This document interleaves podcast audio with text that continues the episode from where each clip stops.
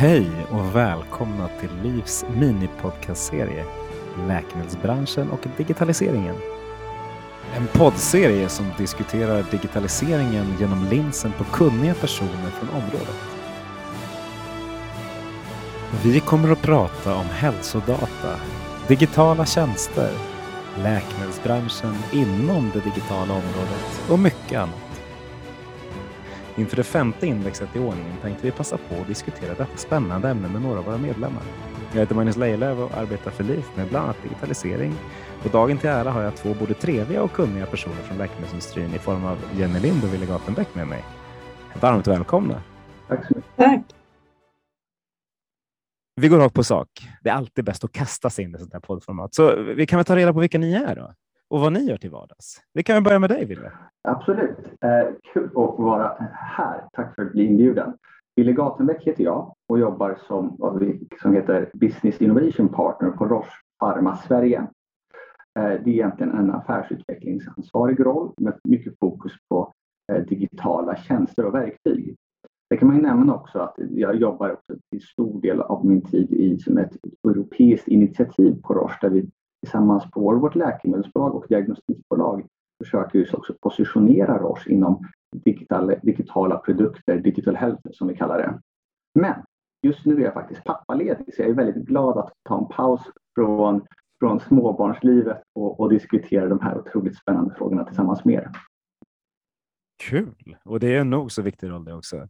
Det är ändå spännande, bara så ni lyssnare förstår. Den här branschen är alltså när man, man heter Business Innovation Partner och ska förklara det enkelt och kalla det för affärsutveckling. Då förstår ni hur komplexa våra roller är. Eh, Jenny, jag ställer samma fråga till dig. Då. Vad, vad gör du till vardags och, och vem är du?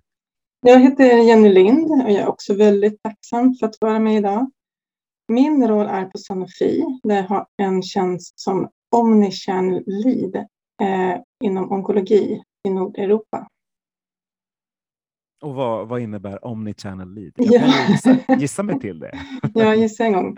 Det handlar om eh, digitalisering. Eh, Jag, jag driver de flesta digitala projekt som vi jobbar med. Allt från hemsidor, appar, eh, allt som berör läkemedel och mot läkarna, patient. Ja, men det är bra. Ni jobbar med, med digitalisering bara två, men li, ur lite olika perspektiv. Lite Mm. mer åt tjänst, tjänster kanske då på Ville och lite mer kommunikation delvis på, på Jenny, men även appar och tjänster lät det som.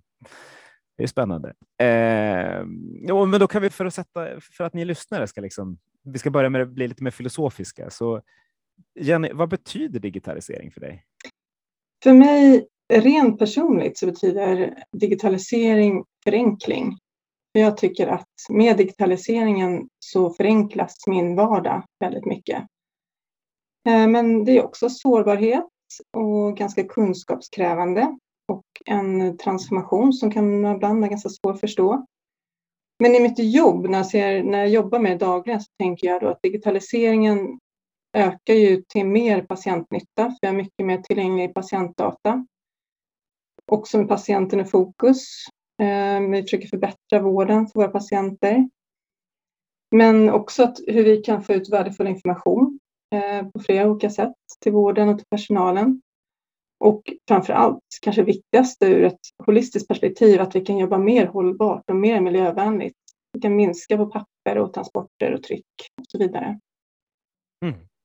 Enkelt, sårbart och kunskapskrävande. Ja, Tre, tre bra ord. Eh, eh, Det andra var också bra, men jag bara, det, var, det var nästan som en tagline.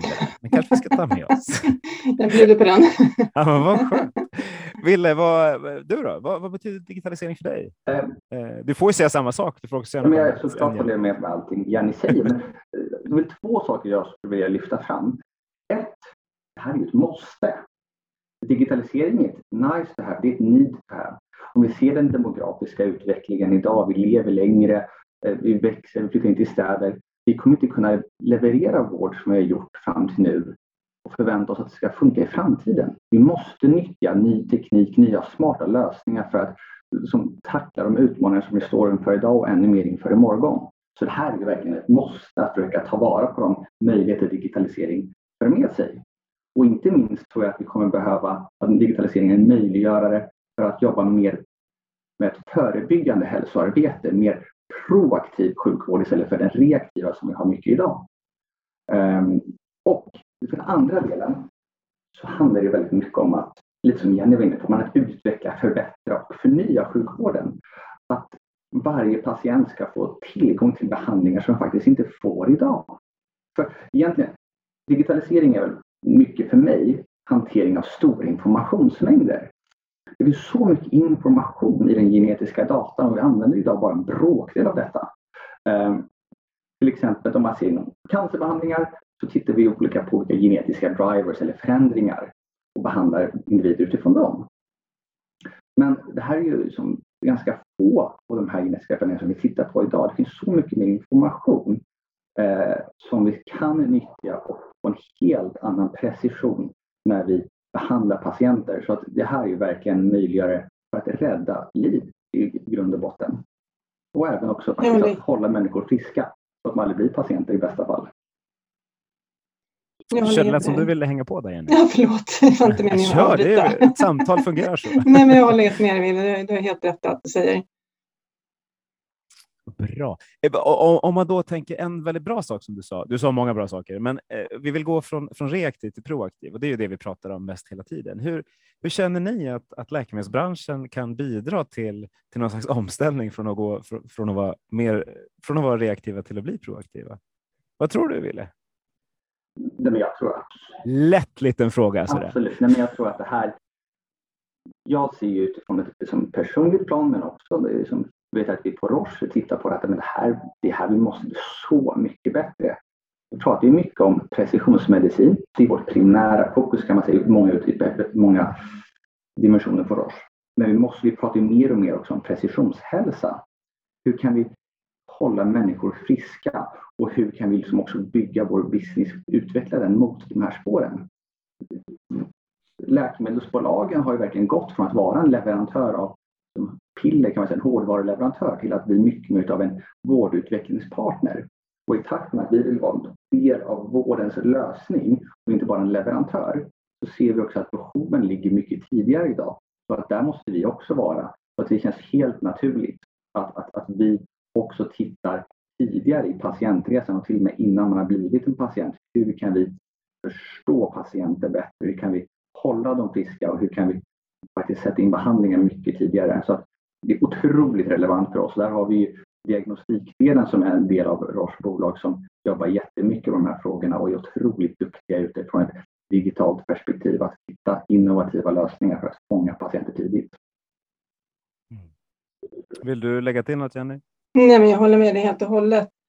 Eh, och det finns ju mycket data att tillgå, både i våra register, man kan hitta fram data, men också som du säger Villa, vad kan patienten göra själv för att eh, må bättre och leva längre?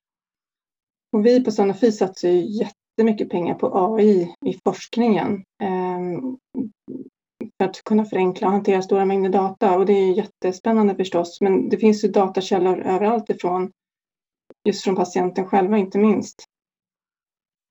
Sant. Min känsla är att vi för, för fem, tio år sedan försökte göra väldigt mycket själva inom, inom läkemedelsindustrin vad det gäller det digitala och att vi nu samarbetar mycket mer med externa andra aktörer som är specialister på sitt område. Är det er bild också? Om det är så, vilket jag hoppas, hur, har ni något exempel på hur, hur, hur ni gör som ni skulle vilja dela med er? Mm, Jenny, vill du börja? Med samarbete? Nu får du kliva bort det jag säger just nu, men den frågan var inte med. Nej, jag vet, den var inte med. Här kom som en...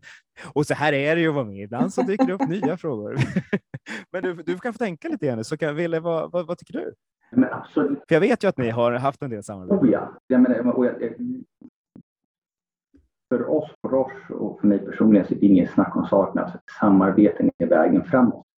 Eh, är inte en aktör som kommer lösa utmaningar eller utveckla innovation. Jag tror vi gör det i samverkan och där alla måste vara med. Patienter, vården, industrin med flera. Ehm, och det är så vi försöker jobba väldigt mycket. Ett väldigt bra exempel på faktiskt ett nytt exempel. Vi lanserade här strax innan jul faktiskt ett, ett spel för barn med diagnosen SMA. En produkt på marknaden. Men nu har vi också tagit, utvecklat ett spel som man kan göra sin sjukgymnastik på ett mycket roligare sätt. För att som, som femåring kan man förstå att det inte är jättekul att få sjukgymnastikövningar att göra. Men kan vi göra det i en spelmiljö så får du en helt annan motivation och följsamhet till detta.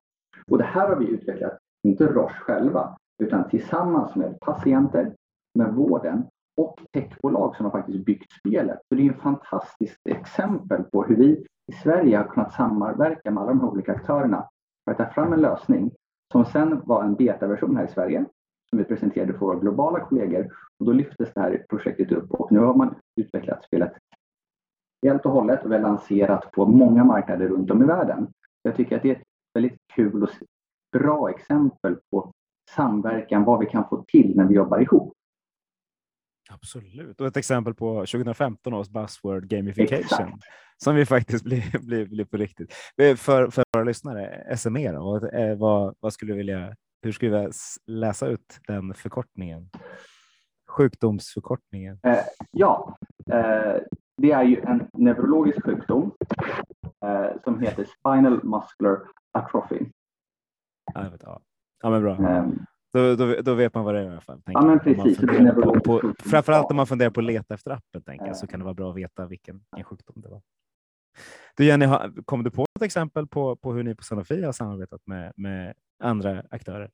Vi på Sanofi är väldigt duktiga på läkemedel och eh, för det är vår spetskompetens är läkemedel och forskning kring läkemedel. Men vi har ju gjort, nyligen gjort ett stort uppköp av ett företag som hjälper oss med all AI, vilket är väldigt eh, positivt för oss inom Sanofi. Och vi ser gärna samarbete med andra techbolag och där skulle jag gärna se ett utökat samarbete med techbolag som skulle kunna hjälpa oss med just de delarna. Men vi har gjort många mm, appar och andra projekt tillsammans med andra leverantörer som har varit framgångsrika. Just nu har jag inget väldigt bra exempel on top of mind helt okej. Okay. Det var mest att jag tänkte mest du eh, verifierade lite den trenden genom att ni faktiskt ja, till och med köpt upp ett företag, men också samarbetar med företag som kan det här med AI. För vi inom vår bransch är väldigt duktiga på just läkemedel. Eh, sen kan vi prata rätt mycket om annat, men just detaljerna eh, är ju oftast ja, men specialis de specialiserade bolagen ännu bättre på.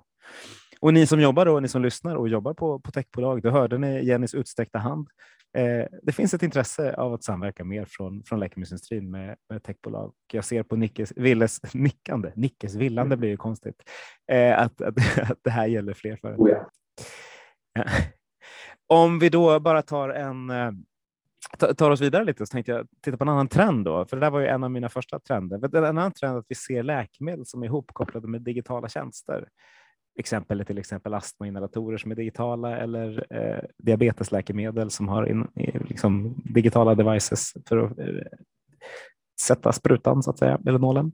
Eh, hur tror ni att, eh, att det här kan bidra till framtidens svenska patienter? Jenny vill börja. Ska jag börja? Eh, jo, vi tror ju väldigt mycket på att koppla ihop läkemedel och digitala tjänster både inom diagnostisering eh, men även då inom följsamhet och uppföljning. Ehm, och att lyssna på både patientens behov och även sjukvårdens behov för att kunna tillgodose en lösning som löser problemen och inte bara förse med ett läkemedel.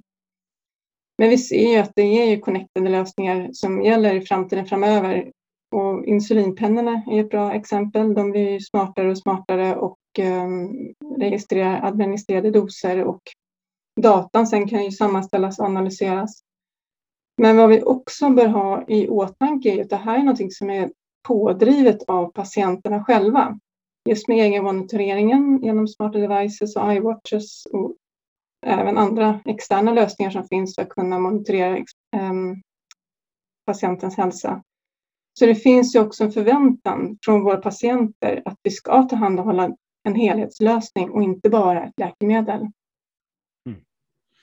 Ja, bra att du lyfter det. Det känns som att vi, har, vi från vår sida av branschen har jobbat väldigt mycket med, med den här typen av lösningar, fast analoga eller semidigitala mycket. Pratar mycket om patientstöd i olika former eh, och annat där man liksom ska göra det bättre. Här finns ju så ohyggliga möjligheter, fast på ett hyggligt sätt snarare än ohyggligt sätt. Det är väldigt bra att kunna liksom hjälpa patienten ännu mer och på patientens villkor, precis som du säger. Många bra ord på en gång där, Jenny. Du vill, hur, vill du lägga till eller dra ifrån någonting? Ja, absolut dra ifrån tror jag faktiskt inte. Men, men jag tycker det är jättebra. Det här, just det här tänket att vi som ser, vi kopplar en digital komponent till faktiska läkemedlet. Det tror jag är i framtiden helt klart. Att, att läkemedel, att molekylen kommer vara kärnan i Roche affär även framåt. Men det, det är klart den kommer vara det. Men vi kommer se mycket mer kombinationen av ett läkemedel och en digital komponent. Vi brukar tala om around the pill strategy. Alltså, men vad, vi har ju pillet i mitten, men vad kan vi koppla på för lösningar som skapar ett mervärde? Och vi kanske också diversifiera en produkt. Um, det här var ju ett exempel som jag nämnde tidigare, spelet som vi tog fram, Tiny Trainers. Att, men, här har vi ett digitalt hjälpmedel för din sjukgymnastik. Eh, ni nämnde tidigare diabetes, där har vi ju eh, eh, genom ett förvärv för många år sedan, först genom ett partnerskap med My Sugar, då har astma med eh, diabetesmedicin där vi också kopplar ihop det med en digital komponent där du kan mäta och följa din, din sjukdom. Vilket är också ett suveränt exempel på hur vi kan jobba med digitala komponenter. Så det här tror jag är liksom utan tvekan vägen vi kommer röra oss mot mer och mer. Och jag som patient, om man ska ta ett patientperspektiv, så tror jag att jag kommer på sikt också ha en helt annan insikt om min sjukdom och dess progression. Och framförallt kommer jag liksom, Jenny var inne på, att bli medskapare av min egen sjukvård. Och detta kommer att vara en game changer om vi kommer att se mycket mer av en konsumentdriven vård där vi bjuder in och förväntar oss att patienten aktivt deltar. Eh, så det här är otroligt spännande och det kommer ju verkligen stärka patienten. Eh, och, och, att ge den möjligheter men också mycket bättre beslutsstöd för vården. Jag tror att det här är jättespännande att just kunna koppla en, en digital, en smart lösning till ett läkemedel. Ni får uppdatera ert uttryck också, för du sa ju nyss att ni har gått från piller till mer precis läkemedel. Så det får bli around precision medicine. Precis. Så vi tar... jag har nämligen också sagt around the pill, mm. eller beyond the pill väldigt länge och så insåg jag plötsligt att vi har ju gått ännu kanske längre vad det gäller inte bara piller. Ja. Ni ser, man lär sig något ja, men, i alla samtal. Och jag tror att det blir liksom fram att vi kommer leverera som en helhetslösning mycket mer än enstaka produkter. Och det är där som hela branschen rör sig mot successivt. Men det här är ju också det svåra. Det är ju inte alltid kanske att tekniskt sett göra det.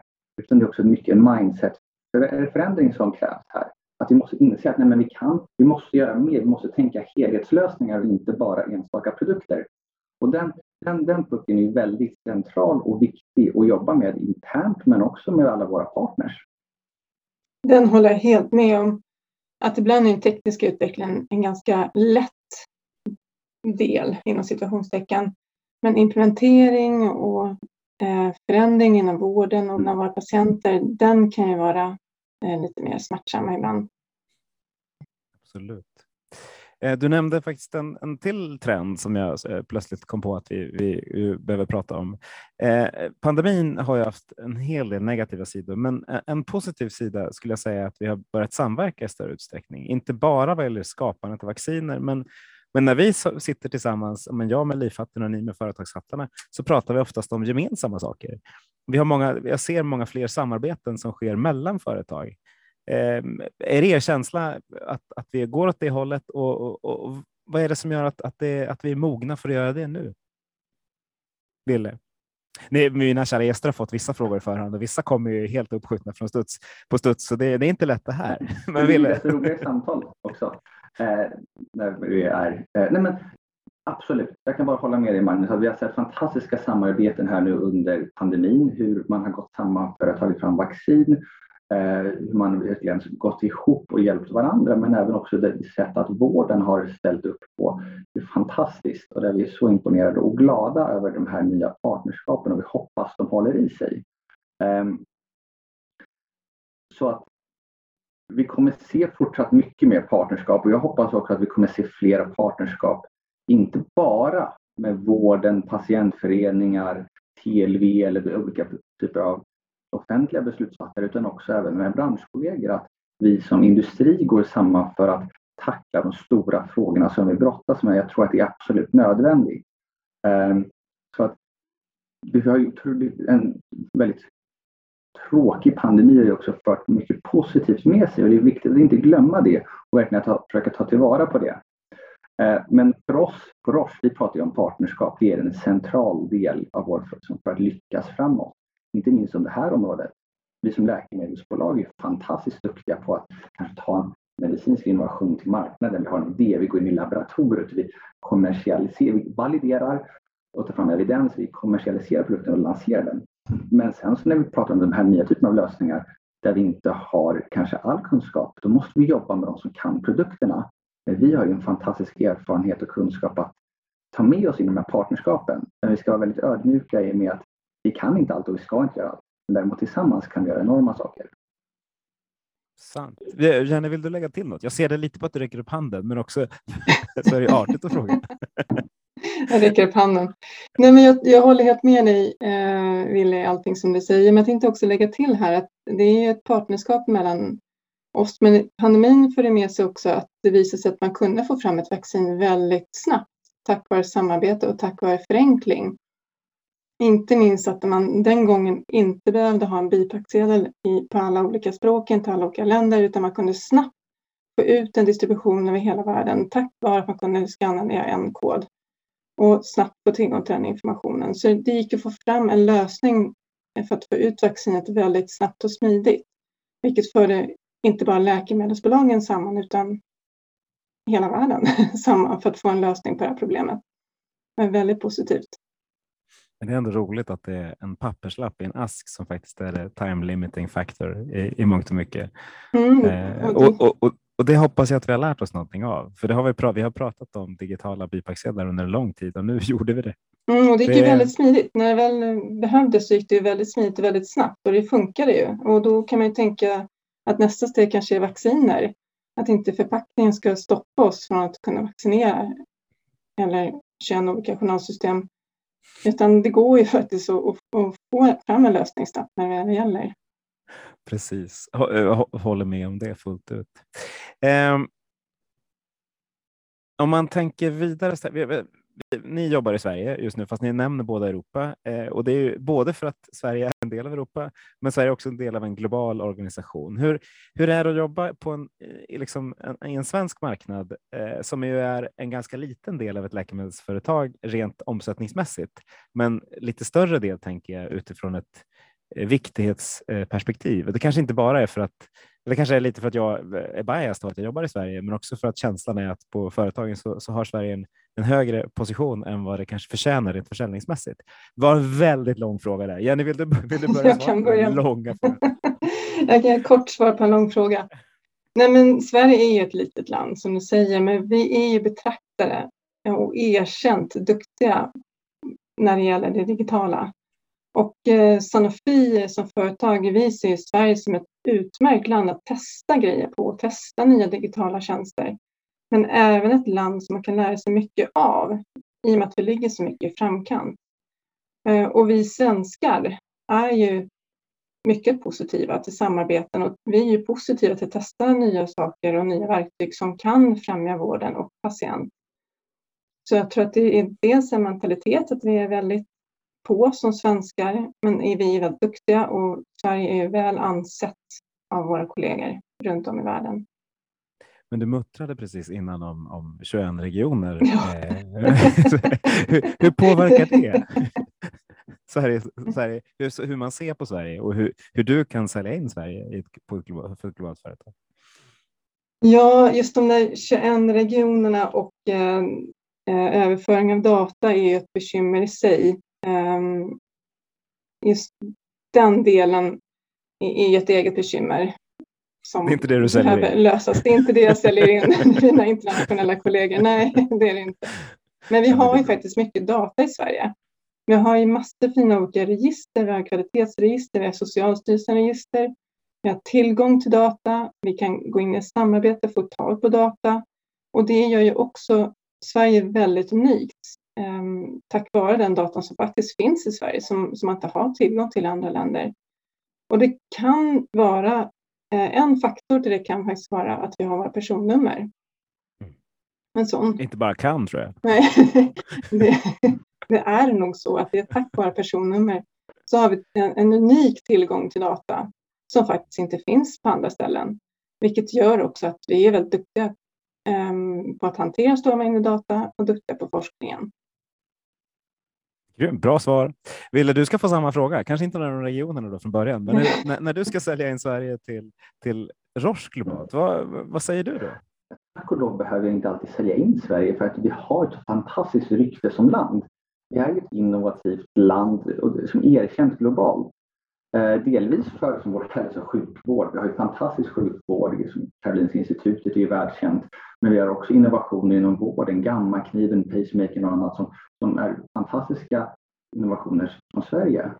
Eh, och på techsidan också så har vi bolag som Skype, Spotify, Klarna. Så att det är ju ett jättehäftigt land ur många perspektiv. Så det, det, det, det är ganska lätt att sälja in Sverige och precis som Jenny är inne på så har vi också otroligt stora datamängder genom, i våra kvalitetsregister bland annat. Eh, så att där finns det ju mycket positivt. Sen så det negativa är ju just, precis som Jenny är inne på, att men den här datan kan vi inte göra allt vad vi vill med. Sekundäranvändningen av datan begränsar oss. Den lagstiftningen som finns och likaså den infrastrukturen, den regionala infrastrukturen där vi har ofta inlåsta system som begränsar användningen av data. Eh, men med det sagt så finns det otroligt mycket positivt i Sverige som, som vi som bolag ser. Och jag kan ju bara komma tillbaks till det här spelet som vi utvecklade i Sverige, tog fram då en betaversion eh, tillsammans med patienter, med sjukvården och techbolag. För att sen då att det här sågs av Roche globalt och utvecklade spelet fullt ut eh, under deras ledning och sen lanserade det här spelet nu globalt. Det är ett enormt bra exempel på att man ser Sverige som ett spännande och viktigt land och att vi, det vi gör syns och kan få global spridning. Det tycker jag är jättestimulerande och kul. Ja, det är bra. Du, du nämnde Skype och Klarna mm. och Spotify, stora eh, liksom, fina drakar numera inom, eh, som var startups. Men eh, varför har vi inga health tech startups som är på den nivån från Sverige? Inte än. Eh. Nej. Men kan det kanske vara också att vi har en lagstiftning som haltar gentemot tillgängligheten av datan. Det är lite grann, um, det haltar ju där. Mm. Ja, nej men det, precis, jag kan bara som hålla med dig Jenny, att det finns begränsningar kring mm. lagstiftningen, eh, eh, hur, hur, vi kan använda data, vilka lösningar vi kan bygga. Eh, det finns ju också begränsningar inom infrastrukturen där regionerna som vi var inne på har ju sina egna journalsystem. Det blir ganska komplext att navigera på den här marknaden. Eh, och likaså ska man också säga, det är en offentligt finansierad bransch. Så det är mycket svårare att komma in på som ett nystartat bolag. Det tar längre tid än för ett bolag som vänder sig direkt till slutkonsument. Vi har ju helt andra krav på att leverera till vården. Du måste ha evidens, det är säkerhet. Det är inte som att du utvecklar ett, ett spel eller bara en musikspelare och kan säga att ja, men här är musik och lyssna på den. Eh, så att det är en så otroligt mycket mer komplex marknad. Så det är det jag också ser att ja, vi kanske inte har samma storlek på svenska techbolag idag inom, liksom inom health tech. Men jag är säker på att vi kommer komma dit. Däremot är vägen lite längre men när vi väl har kommit igenom det här nålsögat då finns det enorm potential.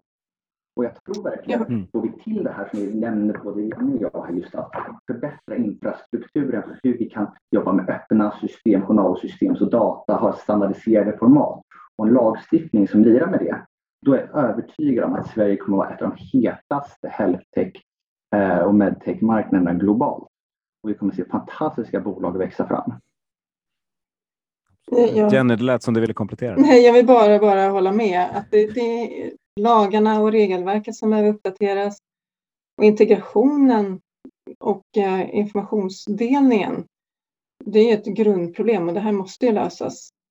Eh, och sen då återigen de 21 regionerna. Men när vi löser det, då finns det ju alla möjligheter framöver. Det är valår i år. Eh, nu kan man säga det, för nu är det faktiskt valår, inte nästa år. Eh, om ni fick spökskriva eh, lite de politiska partiernas valmanifest eh, för att det ska bli så bra som möjligt, för att reformer inom eh, för att starta så många eh, digitala drakar som möjligt inom healthtech och för att läkemedelsindustrin ska kunna bidra så mycket till svensk hälso och sjukvård som möjligt. Vad skulle ni vilja få in i dem i valmanifesten då? Ville? För det, det, är en jättesvår fråga, jag förstår också det, men det är en rolig fråga. Det är en jätterolig fråga. Um, mm. uh, Särskilt när vi från industrin säger spökskriva, för det, det, får, det, är, det är ett för, förbjudet ord. Men just i det här fallet så är det ett teoretiskt experiment. Uh, nej men, jag tror vi har, vi har berört mycket, men jag tror att om man skulle ha det som en inför ett valåret här, men jag skulle vilja se ett, ett tydligt politiskt ägandeskap för att ta bort lag, som hinder i form av lagstiftning. Eh, att man verkligen sätter att liksom, det här är saker som vi, vi tar ansvar för att få ordning på det här. Den tror jag är otroligt viktig att, och, och skulle jag gärna vilja se nu i kommande val. Eh, likadant också att man eh, och det, man kan bara nämna just det här med lagstiftningen, är väl exempel att tillåta sekundärdata att nyttjas på ett, som, som det inte kan göras idag. Exempelvis om man vill följa upp och förstå hur patienter svarar, om man kanske har en ovanlig genetisk förändring, Eh, så måste vi idag använda ändra lagstiftningen. Vi får bara titta på det här i forskningssyfte men inte i kliniskt syfte. Eh, så, så det där, den politiska ägandeskapet hade jag hemskt gärna velat se. Och sen så hade jag velat se också just faktiskt gärna att man bjuder in att man att vi vill jobba med industri, med patientorganisationer, med vården för att skapa sandlådor, vad man ska kalla det, liksom, där vi kan experimentera, vi kan bygga lösningar eh, för att verkligen tackla de stora problem och utmaningar vi står inför och inte minst ta tillvara på de alla möjligheter som finns. Ehm, men det, det, ja, det, det, är väl en väldigt central fråga. Och sen slutligen infrastrukturen, att vi ska ha också nationell styrning. Inte att man måste ha samma journalsystem, men vi måste jobba med öppna journalstandarder. Det finns superbra exempel där. OpenAir exempelvis är ett bra exempel som finns redan. Nu har man i Region Stockholm sagt att vi vill ha en, en öppen datamiljö som vi kan som bygga lösningar inom och inte ett låst system. Och det tror jag är enormt viktigt att gå liksom, mot öppna system och inte de inlåsta systemen som vi har idag.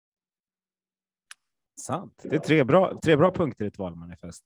Förutom mm. att lägga ner regionen, Jenny, vad vill, vad vill du ha i ditt valmanifest? I mitt valmanifest då skulle jag uppmuntra till tätare samarbete mellan läkemedelsbolag och techbolag och vårdgivare. Mm. Och eh, som Ville säger, Ville säger att eh, en vilja och önskan eh, om en starkare styrning av datadelning och ha det på nationell nivå och inte på regional nivå. Eh, och underlätta för sjukvården att kunna registrera data i de här olika kvalitetsregistren som finns och göra ett standard av detta. Så man standardiserar hela datainsamlingen och delningen data. Och helst av allt även gemensamma plattformar som vi kan jobba utifrån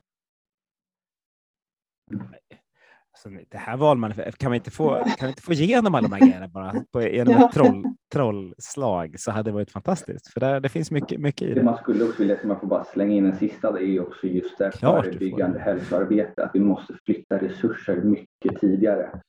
Eh, den, den, reaktiva vården som, som, som jag nämnde initialt här, vi måste bli mycket bättre på att jobba tidigare. Och det finns ju så många exempel att tidiga insatser, det, det sparar ju liv, det sparar pengar. Så att jag skulle vilja se att vi jobbar mycket mer med precisionshälsa i tillägg till precisionsmedicin och det här förebyggande hälsoarbetet tror jag är otroligt eh, viktigt att vi, vi börjar fokusera på mer och mer. Så det skulle jag hemskt gärna vilja se. Absolut, det, vi skriver under. Eh, eh det är svårt att inte skriva under på just, på just den, för det är en så viktig sak. Men det är fascinerande att det inte händer i lika stor utsträckning som, som vi skulle vilja. Kan hålla med. Eh, vi är måna om våra, våra lyssnares hälsa också, så man ska inte gå för länge när man är ute och promenerar på lunchpromenaden. Eh, så jag tänkte börja runda av och då tänkte jag fråga Jenny, när du kom in i det här digitala rummet, var det något du hade velat säga som du kände att det här har inte jag alls fått, fått säga? Eh, nej, jag tänker lite grann på det stora informationsflödet som finns idag generellt sett om man tittar på digitalisering i ett stort perspektiv så känner jag, eller tycker väl vi inom Sanofi att eh, information, alltså korrekt information är ju också en, någonting vi inte ska förbise. Det finns många alternativa källor, det finns många appar, det finns mycket information att hämta från inte alltid pålitliga källor. Vi ser det inte minst när det gäller covid-vaccineringen. Så att få ut korrekt information är också en väldigt viktig aspekt i det hela. Och där har vi som läkemedelsbolag ett ansvar att se till att både patient och vårdgivare får korrekt information. Mm. Ja, bra, vad tur att jag ställde den frågan. Bra saker du fick fram. Mm. Ville du då? Kände du att det var något du, något du inte fått, fått, fått lägga till eller något du vill lägga till nu? Ja, nej, men jag, jag, det finns ju, det finns ju oändligt mycket man skulle kunna säga. Men, ja, men, jag skulle vilja lyfta fram också vikten, vi pratade lite om det, men just det här med att ett, ett ökat patientengagemang och involvering. Det finns ju studier som utan tvekan visar på att ett ökat patientengagemang och involvering har ett direkt positivt, eh, en positiv inverkan på det medicinska utfallet. Så att här skulle jag vilja säga att man gör enormt mycket mer. Vi gör redan idag, vi har liksom ett exempel på ett projekt vi gör i Roche idag där vi har med ett sjukhus i Sverige men också flera globalt eh, och eh, techleverantör att man jobbar just med då, eh, patientrapporterad data i realtid följer cancerpatienter för att just kunna optimera och skräddarsy behandlingarna till dennes unika behov. Och att man verkligen tittar mer på mutationer och inte sjukdomar som helhet. Och det är väl jättespännande att se att vi kommer verkligen röra oss mot de här skräddarsydda lösningarna. Um, och det förutsätter då att vi har de här gemensamma datastandarderna som möjliggör för exempelvis genterapi, att vi kan sätta in rätt behandling på rätt patient. Um, därtill... Den möjligheten... Ja, förlåt, Jenny. Men den möjligheten kommer också finnas mer framöver tror jag tack vare AI när man mm. kan processera stora mängder data med hjälp av artificiell intelligens och därmed kunna låta läkarna ägna tid åt just precisionsmedicinering åt de patienterna som verkligen behöver det. Och att låta digitaliseringen ta hand om, om det övriga. Mm. Oh ja. Jag håller med. En, en mer datadriven sjukvård kommer ju säkerställa att rätt patienter får rätt behandling i rätt tid och att man slipper mm. behandlas och i bästa fall till och med kan undvika sjukdom. Och det här kommer ju också innebära att sjukvården slipper betala för läkemedel som inte har en effekt utan man kan välja som faktiskt hjälper patienten. Det är jättespännande. Mm, Om jag skulle nämna en sista sak Magnus, som jag, som, jag hade ju lagt med en liten spaning här framåt. Eh, ja, men kör, kör, kör, på. Ja, men ta frågorna, den bara... sista frågan som du hade var ju just det här med det nya svarta. Eh, hälsodata. Ja. Jag brukar väl inte tänka egentligen på hälsodata och sjukvårdsdata som det. Men en, en, en vision jag har är att om alla nu läkemedel börjar komma med en digital komponent så kommer denna komponent generera massa data. Och jag tror att framtiden kommer, i framtiden kommer många av individerna äga den här datan istället för att kanske sjukhus eller de ligger någon annanstans. Och nu kan ju då individen välja vad han eller hon vill göra med sin data. Och ett alternativ skulle kunna vara att sälja den. Så det här skulle verkligen kunna bli en demokratisering av den, den olja som du nu jämför med. Eh, där tidigare historiskt sett ett företag eller en stat har berikat sig. Men nu kommer plötsligt individer kunna faktiskt berika sig på den här eh, hälso och sjukvårdsdatan. Och jag menar, hur häftigt vore inte det om man fick till den förändringen att det här skulle kunna vara verkligen en demokratisering och att det är någonting som berikar individen och inte företag eller stat. Utan vi som industri får plötsligt köpa datan istället för att äga den själv. Det tycker jag är jättespännande framtidsscenario som vi får se om det blir verklighet en dag. Som ett litet tillägg till det kan jag bara säga att jag tror också att med tanke på den data som finns då och patienten har mer tillgång till sin egen data så kommer ju patienten sitta mycket, mycket mer i förarsätet av sin egen sjukdom, av sin egen behandling och av sin egen prognos och kunna ha en större dialog med läkaren om sin egen behandling och framtida utfall än vad man har haft innan. Tack vare datan. Så det är kanske en förflyttning av makten där lite mer mot patienten. Oh ja. Det låter som en ganska ljus framtid skulle jag säga, både med mer patientmakt och med mer eh, underbyggda beslut. Mm. Ja, verkligen. Det tror jag säkert. Vi är positiva. Vi, man kan ju ibland se problemen och idag såg vi bara möjligheterna. Det tycker jag är en, en, ett bra, bra, sätt att se Framtiden är alltid ljus brukar jag tänka. Mm. Absolut, förutom runt jul på året, för då är det väldigt mörkt ute i Sverige. I Sverige som är ett litet land. Tillräckligt långt fram. Ja, det är helt sant. Det är helt sant. Fråga dem i, i Kiruna om det. Eh, så vi har, vi har då idag pratat om eh, den enkla, sårbara och kunskapskrävande digitaliseringen eh, och att gå från att vara reaktiv till att vara proaktiv. Tack så hemskt mycket Ville och Jenny för att ni var med i, i vår podd. Det var ett väldigt trevligt samtal skulle jag säga och jag hoppas att ni, ni två har haft lika trevligt som, som jag och lyssnarna haft det. Tack så hemskt mycket för att vi fick vara med. Det var väldigt roligt givande samtal. Jättespännande. Då, fortsätt, då fortsätter vi samtalet, eh, men jag tänkte stänga av så, det, så ni som lyssnar får, får, får njuta vidare av, av det ni håller på med och så hörs vi vidare framöver. Tack så mycket. Tack. Tack för att ni lyssnade på Livs podcast om digitalisering. Låt oss nu gå ut och samverka på riktigt. För att skapa förutsättningar för framtidens hälso och sjukvård.